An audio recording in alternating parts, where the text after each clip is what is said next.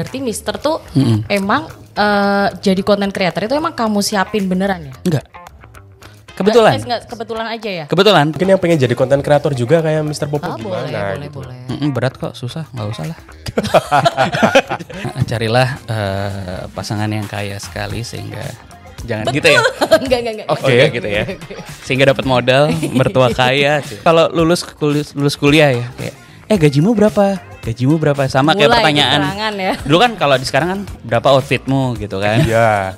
Kalau dulu baru lulus berapa gajimu gitu. Wah, itu benar-benar stres luar biasa.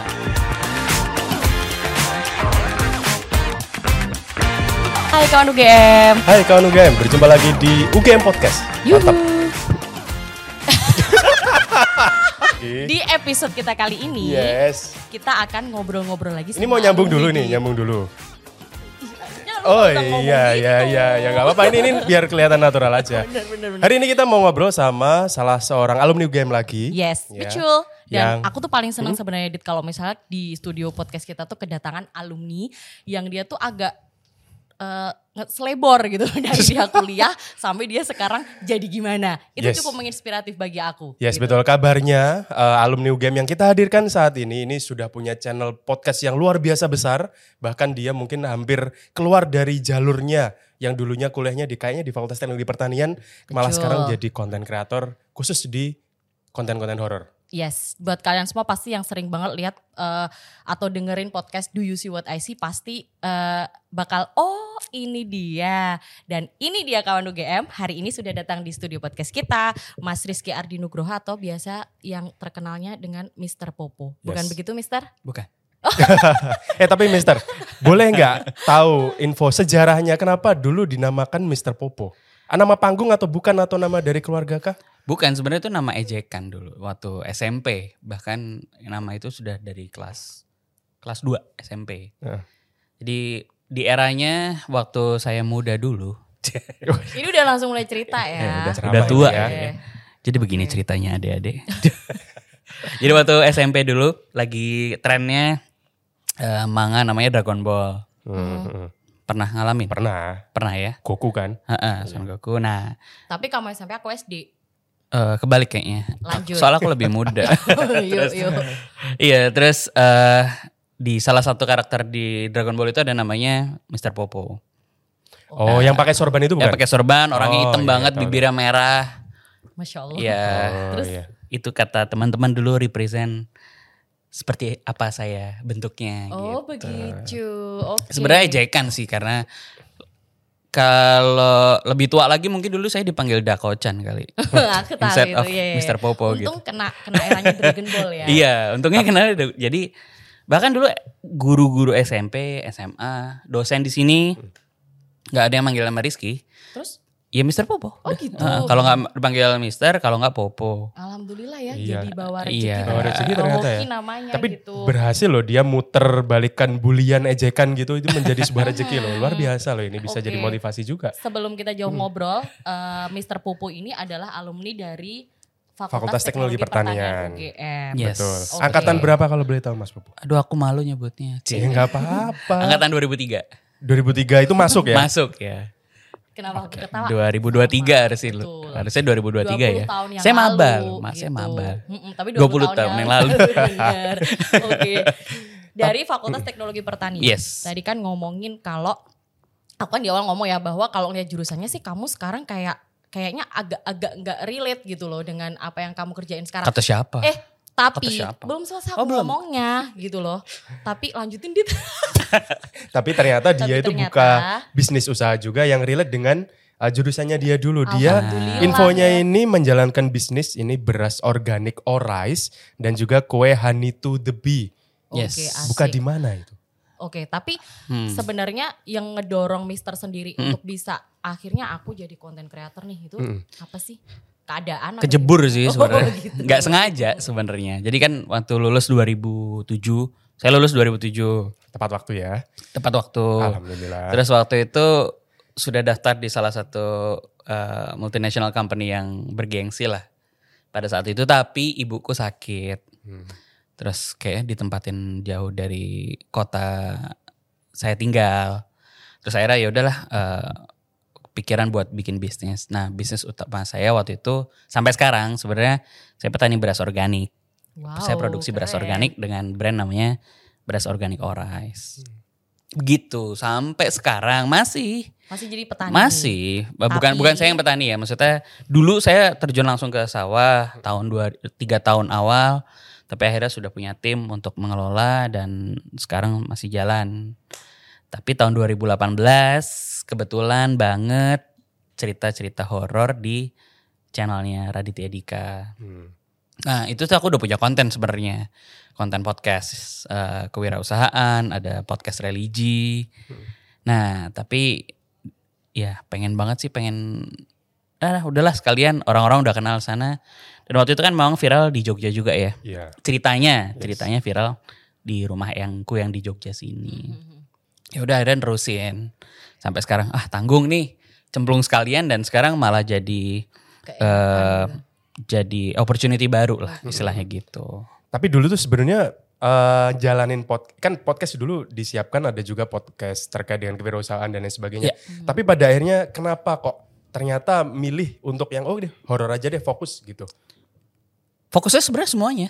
Oh semuanya. Iya, semua Tidak masih. hanya horor berarti ya. Ah, ah, jadi saya sekarang eh, ada beberapa pekerjaan yang saya jalani. Hmm. Salah satunya saya juga punya eh, agensi dan lembaga edukasi khusus untuk podcast. Hmm. Nah, Do You See What I See ini salah satu part di mana malah justru orang-orang kenal saya dari horor gitu Horor ya, kan. heeh. Dan jadi banyak sekarang episodenya. Yes. Nah, ya gara-gara horor mungkin orang kenal saya yang lain juga gitu. Berarti Mister tuh Mm-mm. emang eh, jadi konten creator itu emang kamu siapin beneran ya? Enggak.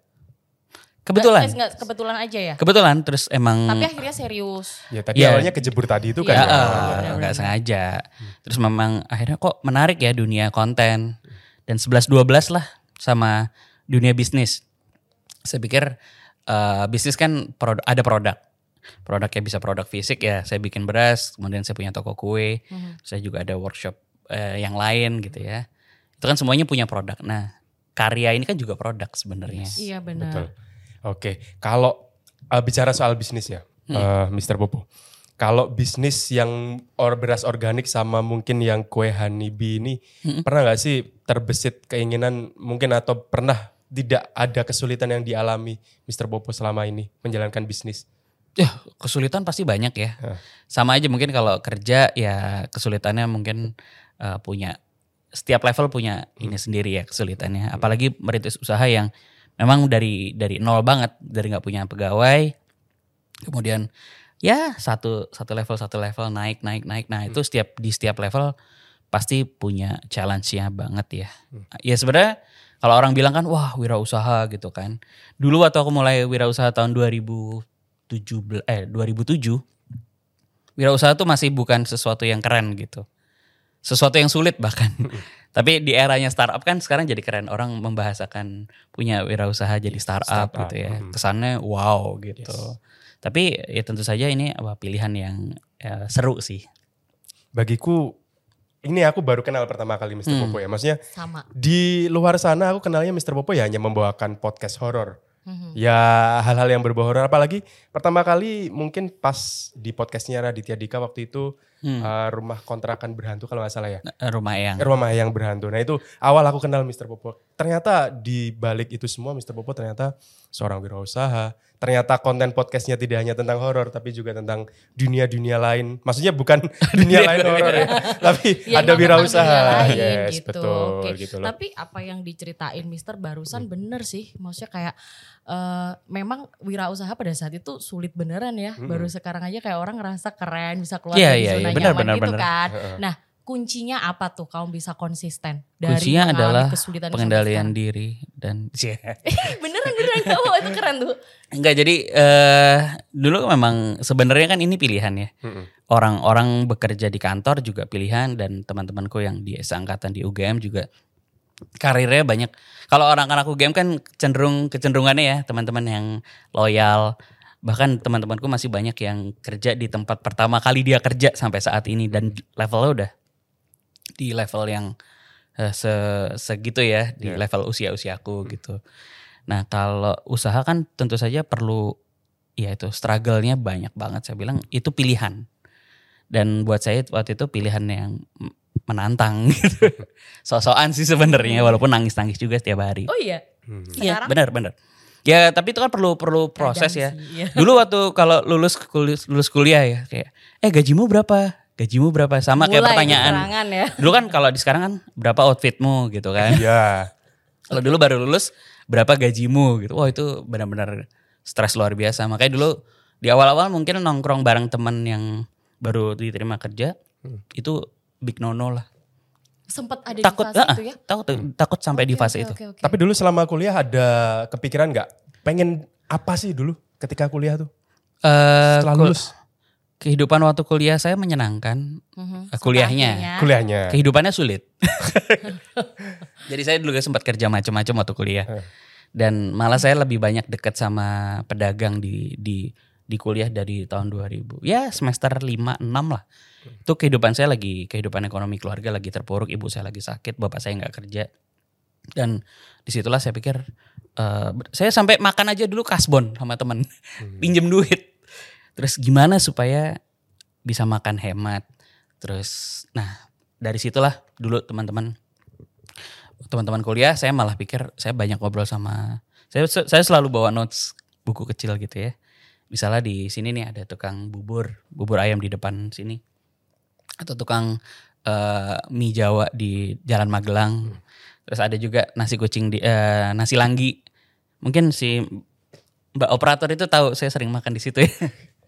Jombor. Nah itu di di dekat ini pasar Oh, Keranggan, iya. eh pasar eh, dekat situlah pokoknya di Jalan Magelang. Nah saya banyak ngobrol sama mereka. Berapa penghasilan mereka? Saya bikinin bisnis plan lah. Bukan saya bikinin, saya menyusun kira-kira plannya dia kayak apa sih. Ternyata pedagang-pedagang kaki lima itu luar biasa banget penghasilannya. Di tahun 2006 si ibu- bapak ibu penjual nasi langgi di Jalan Magelang itu mereka bisa dapat penghasilan 13 juta bersih sebulan. Wow. Kayak saya orang-orang kan pandang sebelah mata ya, dia cuma jualan nasi kucing, nasi langgi, bahkan nggak ada gerobaknya, cuman meja tok gitu sama tikar. Dan ternyata itu stereotip yang eh, pedagang-pedagang Jogja punya. Maksudnya secara penghasilan loh. Kita ngelihat dia ah cuman jualan gitu doang. Tapi duitnya tebel banget. Nah gara-gara itu sih sebenarnya. Saya kepikiran eh, mereka lulusan SD aja bisa bikin. Saya lulusan S1 masa nggak bisa gitu. Sotonya gitu dulu. Yes, betul sih. ya udah akhirnya nyoba lah di karena dulu ibu saya sakit terus saya pengen nyoba bikin usaha akhirnya ya oh gini toh ya susahnya sampai menemukan flow-nya enaknya tapi ya strugglingnya luar biasa sih sebenarnya Iya. maksudnya eh, dari orang yang tidak punya modal ngerintis dari nol terus ngerasain ya seru aja gitu Berarti tahun 2007 ya. betul bapak ibu saya juga nggak setuju sebenarnya Eh, sampai akhirnya sekarang pasti support full ya. ya support mungkin karena ibu saya udah meninggal ya. Waduh, Oh, kenapa waduh. gitu sih jawabannya? Berat kalau ini. Tapi kalau Kalau kalau bentar bentar kalau ya, pod- boleh, boleh. kalau podcast Mm, awal mula berarti tahun 2007 juga. 2018 Oh. tapi itu sebelum horor ya. eh, Eh, sebelum horor. Sebelum ke, horor ke ya. petani-petanian dulu ya 2007 ya, Eh, wirausaha dulu Jadi ya. dulu saya kan dari 2009 mungkin ya. Saya banyak kerjasama sama beberapa beberapa institusi untuk mentoring UMKM. Jadi sempat dulu saya menang lomba bisnis, dapat grant dulu, Nasional. dapat hadiah ya nasional. Nah itu jadi modal saya sih. Dapat duit 25 juta pada saat itu, itu gede banget. Terus bisa saya jadikan modal dan waktu itu saya banyak masuk TV, majalah dan lain-lain. Jadi gampang centang biru gak sih? Eh Enggak enggak enggak lanjut lanjut lanjut. Terus, ya itu, terus, terus. maksudnya era itu masuk ke saya jadi cover boy majalah Swa. Oh gitu. Biasa. Baik. Nggak penting banget ya. Majalah apa tadi? Swa, bis, Oh, Swa. karena SWA. Oh iya. SWA. iya. Iya, oke oke. Ya jadi apa namanya di cover wah keren banget lah kan kayak Iya, gitu. keren. Kayak semua orang kenal terus orang beli beras saya gara-gara itu dapat Hmm. coverage nasional, masuk koran, masuk TV, Hmm. masuk radio. Terus bisnis saya cepat banget eh, ininya naiknya. Hmm. Nah, alhamdulillah waktu itu dipercaya juga jadi eh, bisnis mentor sampai saat ini gitu dan makanya podcast pertama saya namanya cerita usaha. Mantap. Dan saya bikin ini sama rekan saya dosen ekonomi UI sama satu lagi ada konsultan juga teman saya HR konsultan. Jadi bertiga. Mhm. Milih platform podcast karena paling gampang bikinnya. Ya, tapi nyambung lagi pertanyaannya. Hmm. Podcast kan sekarang mungkin hampir semua konten kreator bikinnya podcast. Iya. Tantangannya apa sih sekarang uh, dunia penuh dengan podcast lah ibaratnya seperti itu saya Betul katakan. betul betul.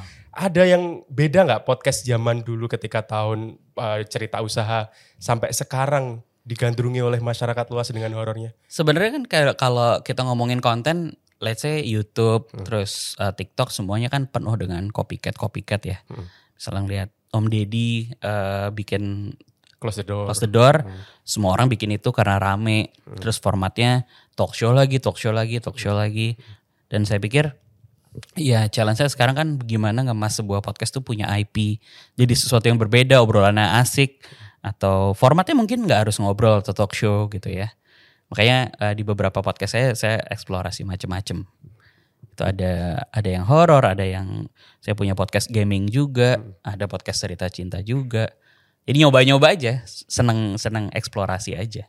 Yes. Jadi kalau teman-teman challenge-nya mau bikin podcast ya harus mencari sesuatu yang sebenarnya uh, formulanya belum dipakai. Tapi ya sulit ya. Sekarang kan semuanya kayaknya udah dimasuki orang. Tinggal ngemasnya, bikin IP-nya gimana supaya lebih menarik gitu. Sama ini nggak set goals gitu nggak? Misalkan coba Hmm. nih eh, segmen baru, cerita podcast baru, punya Hmm. goals nggak sih? Misal kayak harus berapa konsisten berapa episode gitu? eh saya senangnya tuh bikin gini. Jadi ini ini eh saya orangnya gampang bosen. Gampang banget bosen dan kalau bosen tuh stresnya luar biasa. Jadi sama di dunia eh, wirausaha yang saya geluti, saya pernah bukan pernah saya masih menjalani misalnya eh, beras organik saya, terus toko kue saya, terus saya bikin waktu itu eksplorasi bikin workshop furniture, jadi interior designer eh, dari gambar sampai. Nah setiap fase ini eh, saya wah jenuhnya luar biasa. Saya harus larikan ini ke energi saya untuk membuat sesuatu yang baru. Hmm. Tapi yang lama tentu saja saya nggak boleh tinggalin gitu. Makanya bikin sistem. Gitu juga dengan konten. Saya bikin satu, bikin dua, nyoba ini kira-kira menarik nggak ya? Jadi goal saya mungkin eh, kalau saya pengen coba gitu. Kalau ini works, saya harus bikin sistem dan bikin mungkin eh, simpelnya kayak bikin tim, bikin tim yang bisa tetap membuat apa yang sudah dibuat ini tidak mentah lagi ya, tidak tidak mati, tidak turun dan lain-lain. Oh, Oke. Jadi eh, nyoba-nyoba aja sih. Tapi kalau Oh, goals tentu saja punya ya. Ini harus diapain ini. Mhm, gitu. mhm. Ini kalau boleh saran, mungkin besok undang GG Bercanda gitu ya dia di podcastnya dia. Mungkin GG bisa diundang untuk sharing gimana mungkin pernah dapat nggak eh, horor pengalamannya gitu loh. Ya, gitu Saya sampai chat si GG waktu itu kemarin tuh sebenarnya. Oh udah sempet chat juga. Eh, tapi nggak dibalas. Wah itu. GG yang nonton ini tolong Enggak, balas chatnya saya, saya, Popo saya, ya. saya sini aja apa namanya Ini concern aja. Kok sama dia. Oh, dikat paling ya. Oh, iya. Jadi concern kan kayak teman-teman yang viral tuh kan gampang. ya, Banyak hal yang membuat seorang viral hanya cuman Yes, ngomong betul. bercanda gitu aja orang bisa viral luar biasa. Tapi untuk mempertahankan keviralannya itu yang penting. Betul. Kan Betul. sayang kan. Maksudnya kemarin aku sempat chat dia bilang eh, oke suruh dia bikin konten yang eh, apa pun lah. Hmm. Mau bikin podcast, mau bikin YouTube. Tapi setelah dia kan udah naik tuh. Mm-mm. Nah ini mempertahankan ininya nih gimana. Yes, itu yang susah ya. Ya soalnya aku pernah ngomong sama partnerku di usahaku yang yang lain gitu ya. Eh, supaya bisnis kita naik tuh ada dua. Ya bisnisnya viral atau orangnya viral. Mm-mm. Jadi ketika ya waktu itu kita coba kita kayak ngobrol ngomong-ngomong random lah. Hmm. Ya udah kalau lo viral jangan lupa bawa ini gitu ya. Ya alhamdulillah waktu itu gara-gara cerita horor ya orang kenal aku tapi kan aku ser- mengintroduce tetap aku punya usaha ini aku punya ini segala macem. Dan akhirnya horor itu do you see what I see termasuk jawaban dari itu. Jadi kan pas or, pas orang ngejar aku di eh, cerita Rumayang, aku harus menjawab itu dengan konten horor yang orang tetap bisa keep up sama apa yang mereka cari. Nah, gitu. Betul sih. Luar biasa. Setelah cerita panjang lebar ke kanan Hmm. ke kiri, eh, kayaknya ini jadi pertanyaan terakhir deh. Hmm. Cepet amat. Jauh-jauh loh ini. Lanjut. Oh, lanjut. Oke. Out of record ya. Seperti biasa. Yes. Kakak, Mister minta tipsnya buat adik-adik yang mungkin lagi dengerin podcast kita nih. Hmm. Bukan adik-adik sih, tapi teman-teman kita gitu yang, yang nantinya atau mungkin lagi ngerintis bisnis nih. Hmm. Gimana caranya biar kuat secara mental, fisik dan lain sebagainya. Ya nggak cuma anu bisnis, mungkin yang pengen jadi konten kreator juga kayak Mr. Popo Ah, gimana boleh, boleh, gitu. boleh. Mm-mm, berat kok, susah, nggak usah lah. Jadi gitu ya? Bagus, Aja bagus, gitu. bagus. Langganan YouTube Premium aja cukup ya kan. Oke, oke, serius. Carilah eh, pasangan yang kaya sekali sehingga jangan gitu ya. enggak, enggak, enggak. Oke, enggak, gitu ya. enggak, enggak. Sehingga dapat modal, mertua kaya. Masya Allah. Jadi eh Tapi ingat ya, betul kalau kalau kalau ini tipsnya sebenarnya gampang. Hidup itu kan pilihan. Kamu bisa kerja jadi sukses banget atau misalnya mau jadi konten kreator ya sukses banget atau jadi wirausaha bisa sukses banget atau bisa gagal sekalipun gitu ya. Tapi ingat aja kalau kalau aku prinsipnya gini, eh, rezeki udah ditakar sama Allah kan. Ini prinsip agama kan sebenarnya. Rezeki sudah ditentukan. Terus kamu mau jemput dengan cara apa? Cara yang keren banget sesuai stylemu atau ya udahlah kerja aja. Sebenarnya kamu kerja sama bikin usaha jatahmu ya segitu udah pas kan. Makalah jemputlah eh, rezekimu dengan cara yang paling kamu suka aja gitu. Oke, Adik. luar biasa. Tepuk tangan dong guys. Tepuk tangan. Enggak aku setuju karena sebenarnya kalau misal kita menjemput rezeki dengan cara yang paling kita nyaman, kita jadi seneng. Yes, Enggak cuma betul. rezekinya yang datang banyak, kita jadi sehat segala macam betul nggak? Betul, betul, yes, betul. betul sekali. Stresnya banyak. Kerja juga stres kan? Iya, Pasti punya nanti punya suami kaya banget mungkin juga stres juga. iya. Iya. Apalagi kalau misalnya di kantor punya teman-teman yang super luar biasa kayak yang di studio ini, ya, ini juga salah satu anugerah juga gitu. Iya, iya. Diberikan oleh Tuhan ya. Jangan lupa dikasih eh, ini efek-efek aneh-aneh gitu ya di Oke, terima kasih sekali Mr. Popo. Aku gak enak sih manggil Mr. Popo karena itu kan Ya, nama apa-apa. ejekan Enggak, ya. enggak. Terus enggak. lagian dia tuh kayak agak beda usianya sama kita gitu. Yes. Masih Ya, muda banget Makanya ya. dia agak segan sama Mister. Ya. gitu. Maaf Kak, maaf. Ya, Mr. Rizky, terima kasih sekali sudah menemani kita di UGM Podcast edisi kali ini. Dan apabila teman-teman merasa podcast ini bermanfaat, boleh langsung di-share, boleh di-like, supaya kita bisa lebih semangat lagi untuk membuat konten-konten podcast untuk episode-episode berikutnya. Bener ya. Dan sampai jumpa di episode UGM Podcast selanjutnya. Ciao.